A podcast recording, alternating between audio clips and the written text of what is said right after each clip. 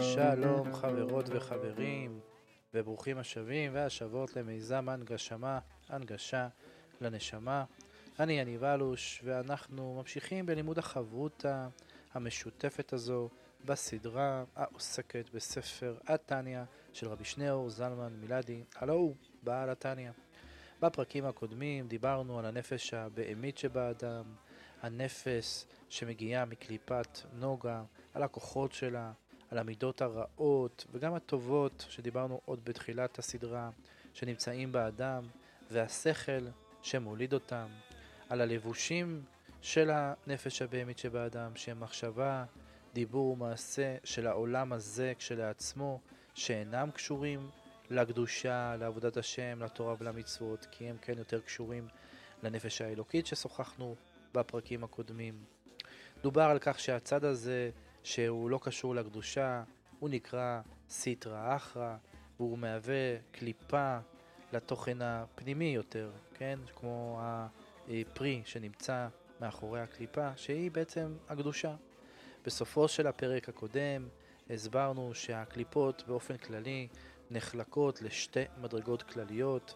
המדרגה הכי תחתונה כוללת את שלוש הקליפות הטמאות והרעות לגמרי שאין בהן טוב כלל. והמדרגה השנייה שעליה נדבר ונרחיב, ירחיב עליה בעל התניא בפרקים הבאים, היא קליפת נוגה.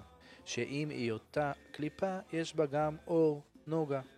טוב נסתר שיכול להתחבר לקדושה ולעלות ולפרש את כל מציאותה של קליפה זו לטוב.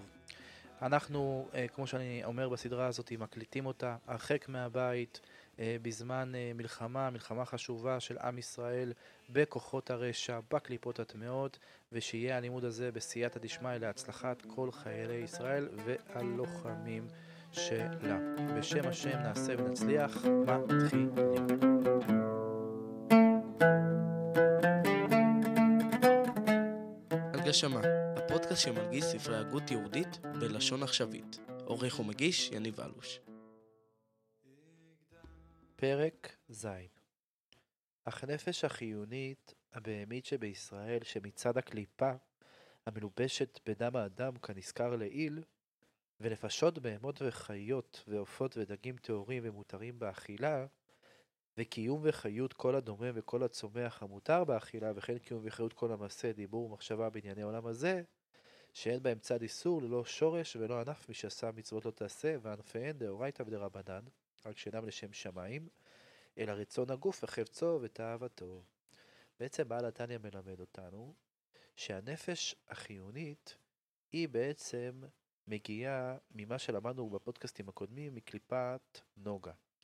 וזה תחום שבעצם של כל המעשים שאנחנו עושים, זה לא בהכרח אה, מעשים רעים, ולא נמצא סביב איסורים. כן? כמו אה, למשל לחלל שבת ובשר וחלב ועניינים של אריות חלילה וכדומה, כן?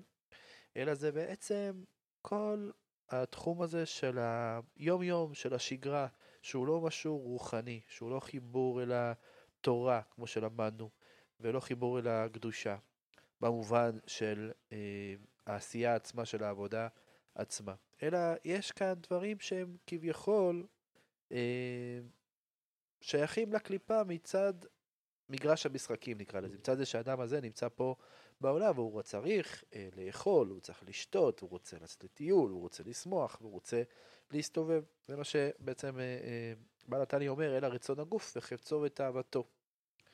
נמשיך, ואפילו צורך הגוף וקיומו וחיותו ממש, כן, גם אם תגיד שאדם עושה משהו שהוא לא מותרות, כמו איזשהו טיול, אלא באמת אוכל איזושהי חתיכת לחם, כן? אלא שכוונתו אינה לשם שמיים כדי לעבוד את השם בגופו, לא עדיף אם מעשה דיבור מחשבות אלו מנפש החיונית הבהמית בעצמה, והכל כאשר לכל נשפע ונמשך ממדרגה ראשית שבקליפות, וסטרא אחא, שהיא קליפה רביעית הנקראת קליפת נוגה, שבעולם הזה, הנקרא עולם העשייה, רובו קראו לו רק מעט טוב מעורב בתוכה. כן, בעצם אם אדם פועל איזושהי פעולה שהיא לא כביכול פעולה רעה, כמו למשל, כמו שאמרנו, שהוא אוכל איזושהי פרוסת לחם, אבל הוא עושה את זה כאילו כמו כל הבהמות, כמו כל החיות, הוא אוכל, פשוט אוכל. אבל הוא לא מכוון שהדבר הזה הוא לשם שמיים, אלא כדי, כדי שהוא יוכל, לו כוח להתפלל, יהיה לו כוח ללמוד uh, תורה, יהיה לו כוח בכלל לקיים, לחיות את חיי העולם הזה במובן של לעשות את רצון השם. הוא לא מחובר uh, לש, לשמיים, הוא לא מחובר לשם שמיים, אז הדבר הזה הוא בעצם מגיע uh, מהנפש הבהמית, וזה uh, לוקח את האדם אל המקום הרע שנמצא בקליפת נוגה.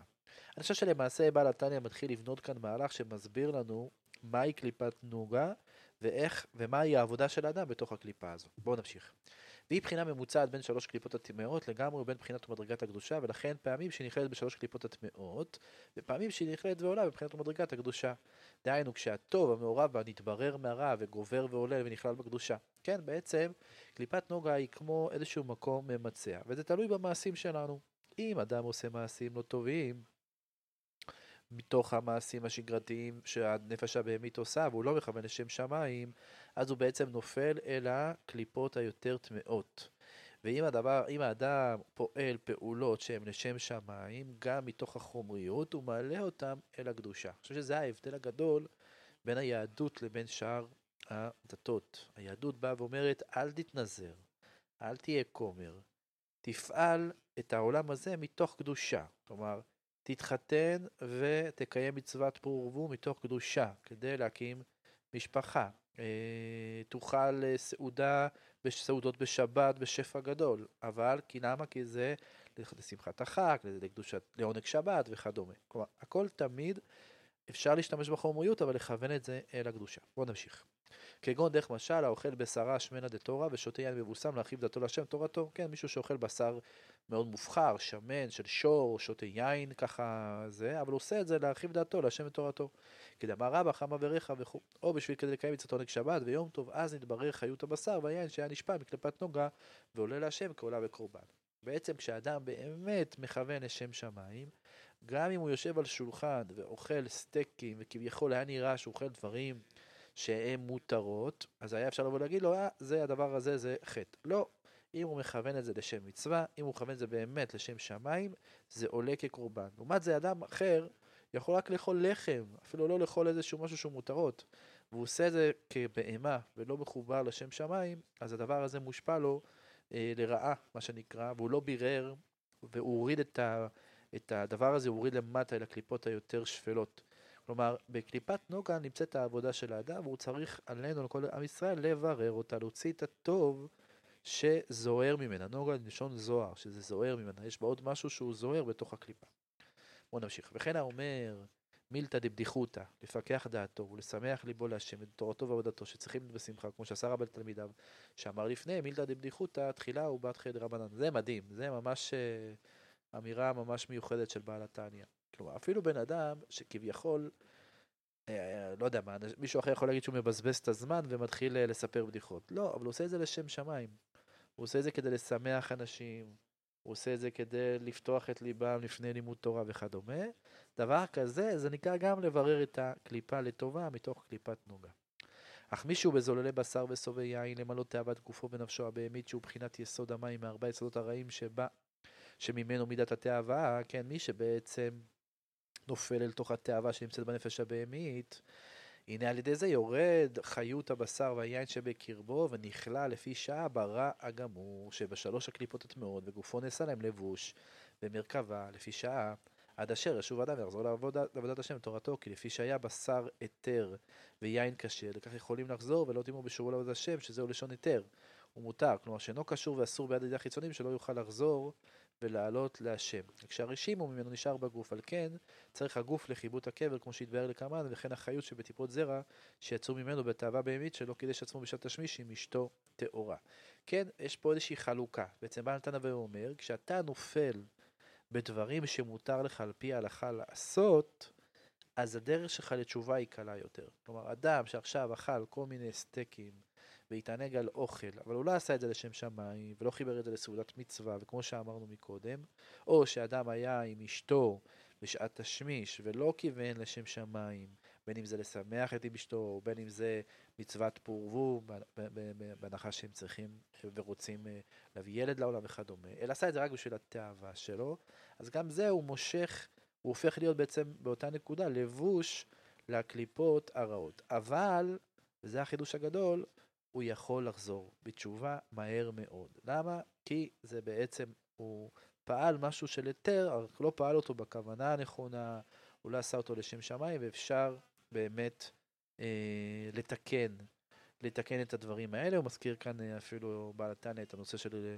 חיבוט אה, הקבר, אה, לא נתעמק בזה ולא ניכנס לזה. מה שאין כן, במאכלות אסורות וביות אסורות שהן משלוש קליפות הטמעות לגמרי, הם אסורים וקשורים בידי החיצונים לעולם, ואין עולים משם עד כי יבוא יומם ויבולע המוות לנצח, כמו שכתוב, את רוח הטומאה האוויר מן הארץ, או עד שיעשה תשובה גדולה כל כך, שזדונות נעשו לו כזכויות ממש. כן, עד כאן בעצם דיברנו, אני אקריא לכם ככה הערה של הרב הדין. עד כאן דובר בתחום המותר של קליפת נוגה. ומכאן ואילך ידובר על לבושי הנפש הבהמית, מחשבה, דיבור ומעשה, שבתחום האסור של הקליפות הטמעות. כן, בעצם אה, כשאתה נמצא בתחום המותר, אז כמו שאמרנו, אפשר לחזור בתשובה ואפשר לתקן, אבל כשאתה נופל לתחום האסור של הקליפות, שם זה כבר קשור אה, לחיצונים. בוא נראה מה אומר לנו הרב הדין על, על העניין של האסורים וקשורים בידי החיצונים. החיצונים הם הצד האחר שאינו קדושה ואינו פנימיות רצונו של הקדוש ברוך הוא מעולמו. כשאדם, כשאדם נקשר אל הצד האחר החיצוני במעשה של היתר, הוא יכול להיחלץ משם, כפי שהוסבר לעיל, אבל כאשר הוא מעשה של איסור, הוא אינו יכול להיחלץ מן הקשר אל הסדרה אחת. אם נאכל דבר של איסור במזיד או בשוגג, הוא נשאר תמיד אסור, ואין לו תיקון מצד עצמו. החזיר נשאר חזיר, ואי אפשר להפוך אותו לטהור. עד כי יבוא יומה ויבולע מן הנצח. כפי שנאמר, את האסור אין אדם יכול לתקן בכוונה לשם שמיים. האיסור אסור אל הרע לפי הגדרתו, ולכן תיקונו כרוך בעקירתו של הרע מעיקרו. כאשר לעת קץ יהפוך הקדוש ברוך הוא את העולם כולו להיות מהות אחרת שבה ייעלם הרע כהוויה. רק אז, כאשר יטרוח טוב מן הארץ, יגיע תיקון לכל. וגם לאותם דברים שהיו אסורים ברע גמור. כן, בעצם אדם צריך להבין שיש מצבים שבהם אי אפשר לכוון לטוב, או אי אפשר לכוון לקדושה, כי הם אסורים, זה רע גמור, הם אסורים מצד עצמם. את החזיר אתה לא יכול לתקן על ידי האכילה שלך, כי זה טומאה גדולה, וזה גם טומאה, שנק... טומאה שנקשרת בך. או עד שיעשה תשובה גדולה כל כך שזדונות לו כזכויות ממש. יש דרגה, אומר הרב הדין, יש דרגה בתשובה שבה זדונות נעשות לו כשגגות, ויש דרגה למעלה מזו שזדונות עשו לו כזכויות. הדרגה האחת היא שהעבירה שעבר אדם במזיד נחשבת לו כאילו עבר אותה בשוגג. ואחד ההסברים לזה משמו של הבעל שם טוב הוא שהאדם העושה תשובה מגיע באותה שעה לדרגה גבוהה יותר של תודעה. הוא יודע עכשיו מה שלא ידע קודם. ומאחר שדרגת המודעות הנוכחית שלו היא גבוהה יותר, לכן מה שהיה קודם בדרגה של מודעות גמורה, שאדם עושה ביודעין ובמזיד, נעשה לגבי דרגת המודעות של עכשיו, כמעשה שלא בדעת גמורה, של שגגה. חז"ל אמרו שאין אדם עובר עבירה אלא אם כן נכנסת ברוח שטות, וכאשר הוא עושה תשובה הוא יוצא מרוח השטות הזו, ורואה אז את מעשיו הקודמים כשגגות, כמעשים שנעשו שלא מדעת. בתשובה זו אדם חותך את עצמו מעברו ומגיע לנקודה אחרת של מודעות, שמשנה לגביו את יחסו אל עצמו, אל חייו, אל עברו ואל עתידו. אומנם הדרגה השנייה של התשובה, יש בה מהפך מהותי הרבה יותר, לא רק שינוי בתודעה של העוונות, אלא הפיכת העוונות עצמם לזכויות, אין זה רק שינוי בדרגתה של העבירה, אלא מהפך מקצה לקצה, כאשר העבירה אינה עוד חיסרון על היתרון. כדי לעשות תשובה כזו, צריך אדם לעשות בחייו הפרטיים שינוי המקביל למה שיעשה בעולם כולו לקץ כל הימים, כאשר את רוח טומאה אוויר מן הארץ. הוא צריך לשנות את עצמו, שינוי דרסטי כל כך, עד שכל הווייתו, כל מעשיו וכל מחשבותיו מקבלים לאחר התשובה משמעות שונה לחלוטין. בשעה זו אדם עובר כביכול לשדה אחר לגמרי של ההוויה, בו הוא מתהפך הכל להפך הגמור ממה שהיה. עכשיו, עכשיו הבעל התנא יסביר איך, איך עושים את התשובה הזו, את התשובה שזדונות נעשות לו כזכויות ממש. בואו בוא נקרא קצת מהיחד לאחור. עד שיעשה תשובה גדולה כמו כך שזדונות לו כזכויות ממש, שהיא תשובה מאהבה, מיום דליבה, באהבה רבה וחשיקה ונפש שוקקה לדבקה בו יתברך וצמאה נפשו להשם כארץ היפה וצייה להיות כי עד הנה הייתה נפשו בארץ צייה בצל המוות היא הסדרה אחת ורחוקה מאור פני השם בתכלית ולזאת צמאה נפשו ביתר עוז מצמאון נפשות הצדיקים במאמרם ז"ל במקום שווה לתשובה עומדים וכו', והתשובה מאהבה רבה זו אמרו שזו נשלו כזכויות, הואיל ועל ידי זה בא לאהבה רבה. זו, אבל תשובה שלא מאהבה זו, אף שהיא תשובה נכונה ושם יסלח בכל מקום, לא נעשו כזכויות ואין לנו מהקליפה לגמרי עד עת קץ שימולה המוות לנצח. כן, בעצם בסופו של דבר, האדם מצליח, ל... זה כמו למנף את הרע. דווקא בזכות הרע הוא הצליח להגיע להשתוקקות כל כך גדולה, שהוא לא היה מצליח להגיע לה אם הוא לא היה נופל איפה שהוא נפל. במצב כזה, בקדושה כזאת שאדם מגיע ועולה, ורק הקדוש ברוך הוא יודע את ליבו של האדם, אז הוא בעצם הופך את, ה, את הזדונות לזכויות. כביכול, העבירות שימשו כמינוף להגיע לאהבה ותשוקה שלא היינו מגיעים אחרת, וזה הופך את הכל לזכויות. אך החיות שבטיפות הזרע שיצאו ממנו לבטלה, אף שירדה ונכללה בשלוש קליפות הטמאות, הרי זה עולה משם בתשובה נכונה ובכוונה עצומה בקריאת שמע שעל המיטה, כנודע מארי ז"ל, ומרומז בגמרא, כל הקורא קריאת שמע על מיטתו, כאילו אוחז חרב של שתי פיפיות.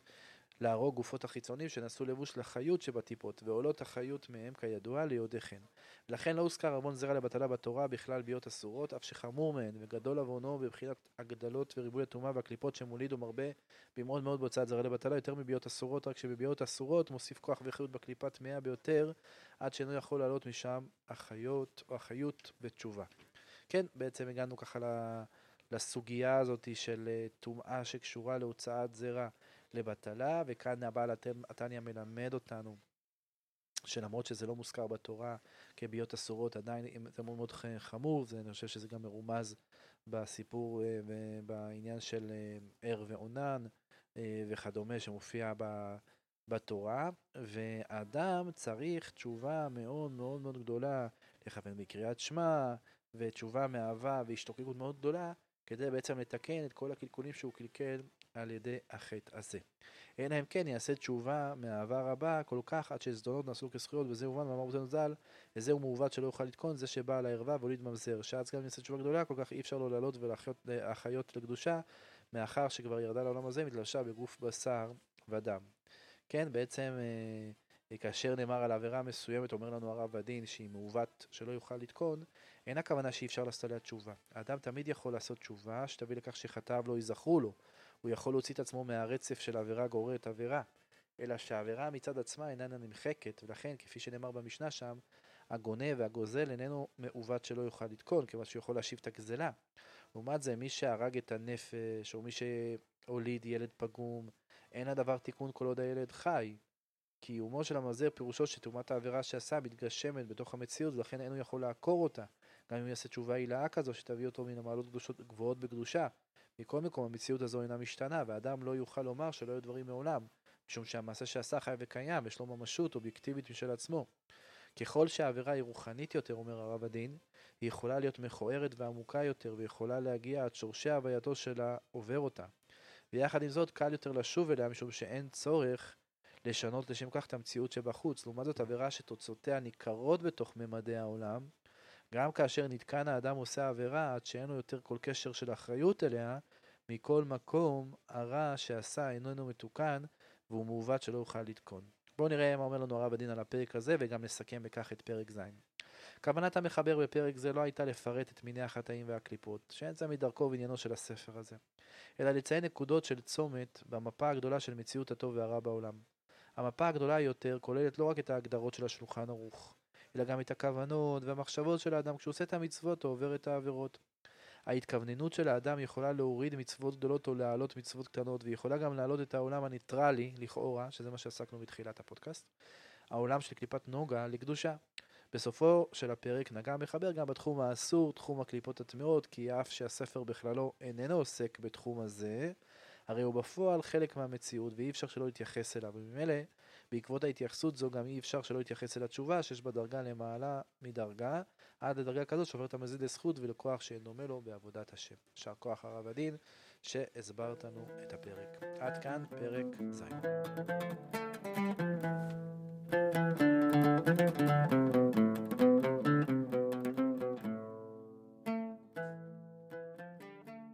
פרק ח' ועוד זאת במאכלות אסורות, שלכך נקראים בשם איסור.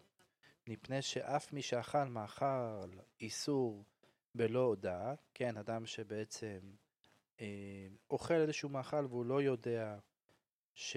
שהוא אכל עכשיו אה, בשר אה, של חיית טרפה למשל, לשם שמיים, או למשל בן אדם שידע שהוא אכל משהו שהוא אה, טרף, אבל הוא עשה את זה לשם שמיים, למשל, אה, לא יודע מה, בן אדם שהיה אסיר בבית אסורים ואין לו אוכל לאכול, אז הוא אומר, טוב, אני אוכל את זה עכשיו לשם שמיים כדי שאני אצליח לחיות. אה, או שהוא חושב שזה בסדר, שזה, שהוא עושה את זה כדי להתחזק, לא בכלל שהוא בבית אסורים. לעבוד את השם בכוח האכילה ההיא, וגם פעל ועשה כן, וקרא והתפלל בכוח האכילה ההיא, אין החיות שבעולה ומתלבשת בתיבות התורה והתפילה כמו האתר. אומר לנו הרב הדין, למרות שלא הייתה במעשה הזה שום כוונה רעה, מכל מקום הקורבן לא עלה לרצון. יש הגדרות בדיני הקורבנות, מה ראוי, מה אינו ראוי לעלות על גבי המזבח. ואם יעלה אדם למזבח חיה שאינה ראויה, הרי גם אם הייתה, אם הייתה זו טעות וגם אם לא הייתה בזה כל אשמה מצד האדם, מכל המקום הקורבן הזה אינו יכול לעלות לרצון. לכן בן אדם לא יכול לבוא להגיד, אוקיי, אכלתי משהו טרף, אבל זה היה לשם שמיים.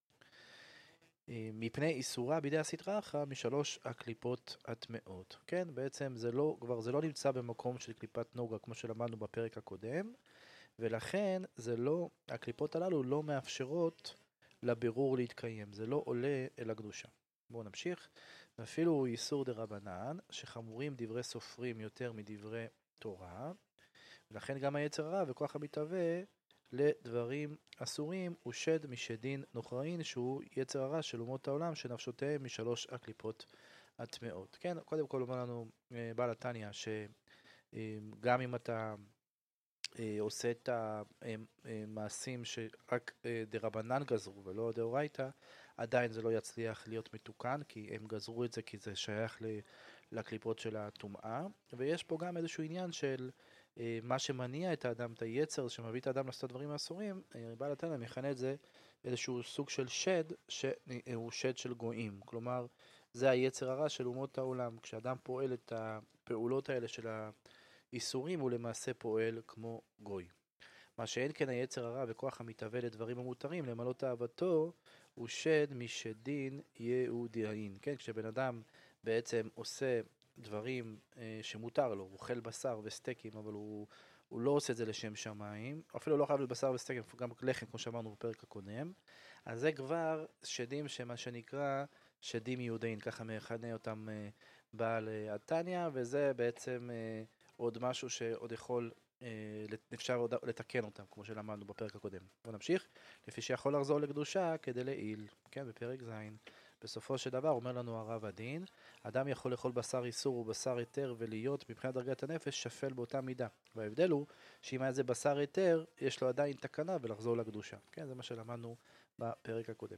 בואו נמשיך, אך מכל מקום, קודם שחזר לקדושה, הוא סטרא אחא וקליפה, וגם אחר כך הרשימו, כן, גם אחרי שהוא חוזר בתשובה, עדיין נשאר איזשהו רושם, איזשהו כתר, כתם, הרשימו ממנו נשאר דבוק בגוף, להיות כי מכל מאכל ומשקה נעשה תכף דם ובשר מבשרו, כן? בסופו של דבר, אדם עבר עבירה, אז זה עדיין נשאר בגוף שלו. ולכך, ולכן, אומר בעל התניא, אני ממשיך, צריך הגוף לחיבוט הקבר, לנקותו ולטהרו מטומאתו שקיבל בהנאת עולם הזה ותענוגה, מטומאת קליפת נוגה ושדין יהודין. זה מה שאמרנו גם בפרק הקודם. העניין של חיבוט הקבר זה גם בדברים שקשורים להיתר, למה? כי בסופו של דבר, גם אם אתה עושה תשובה, אתה צריך איזשהו ניעור, אתה צריך איזשהו תהליך של זיכוך, וזה מה שעושה התהליך הזה של חיבוט הקבר. מסיר מעליך את כל הכתמים הללו ש, אה, שהאדם עשה אה, על ידי שהוא אכל דברים שהם לא בהיתר, או עשה מעשים שלא בהיתר.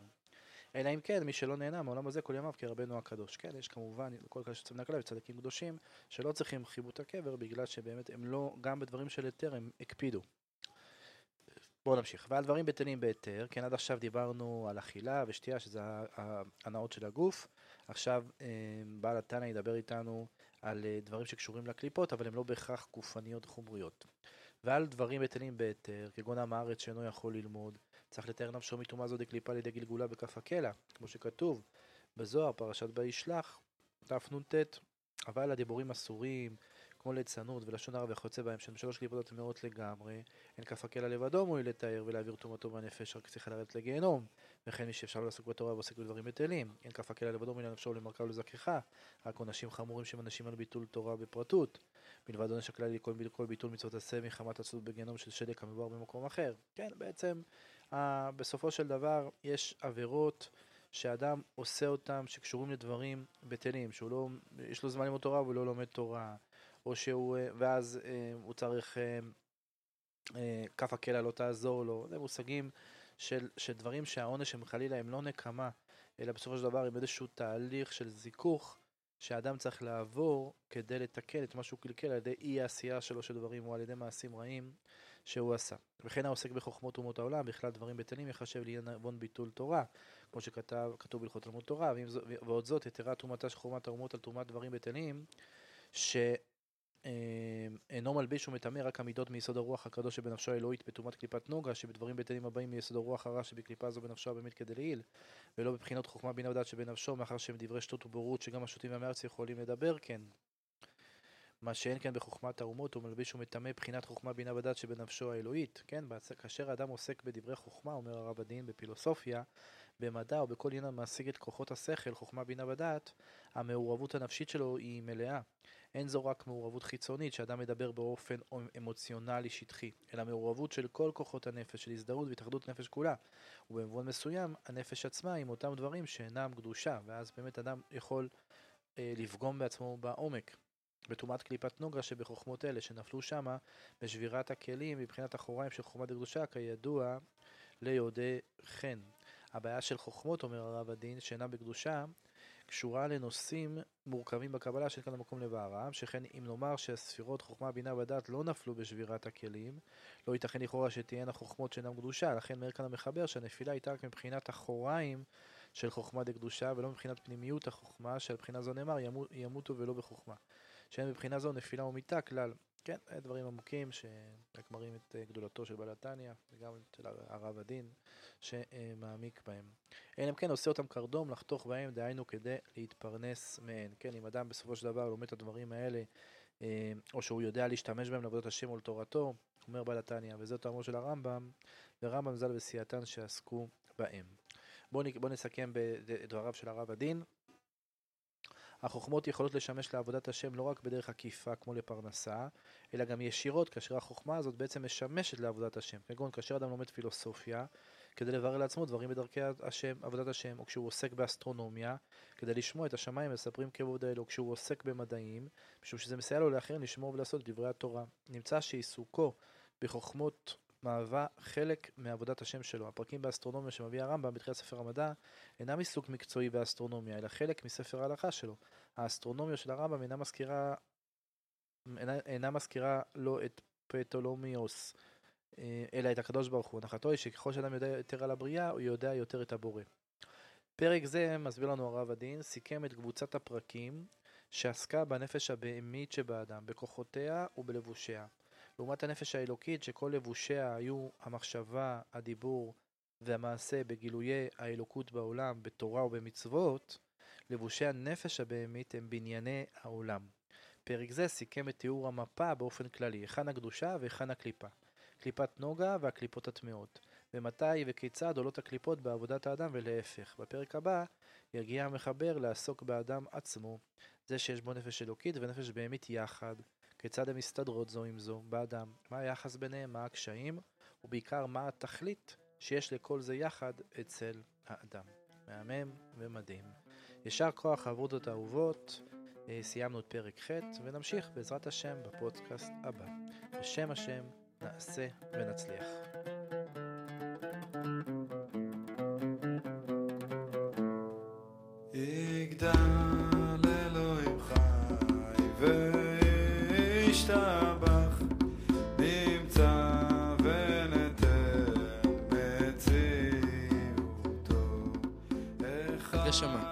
הפודקאסט שמרגיש ספרי הגות יהודית בלשון עכשווית. עורך ומגיש יניב אלוש.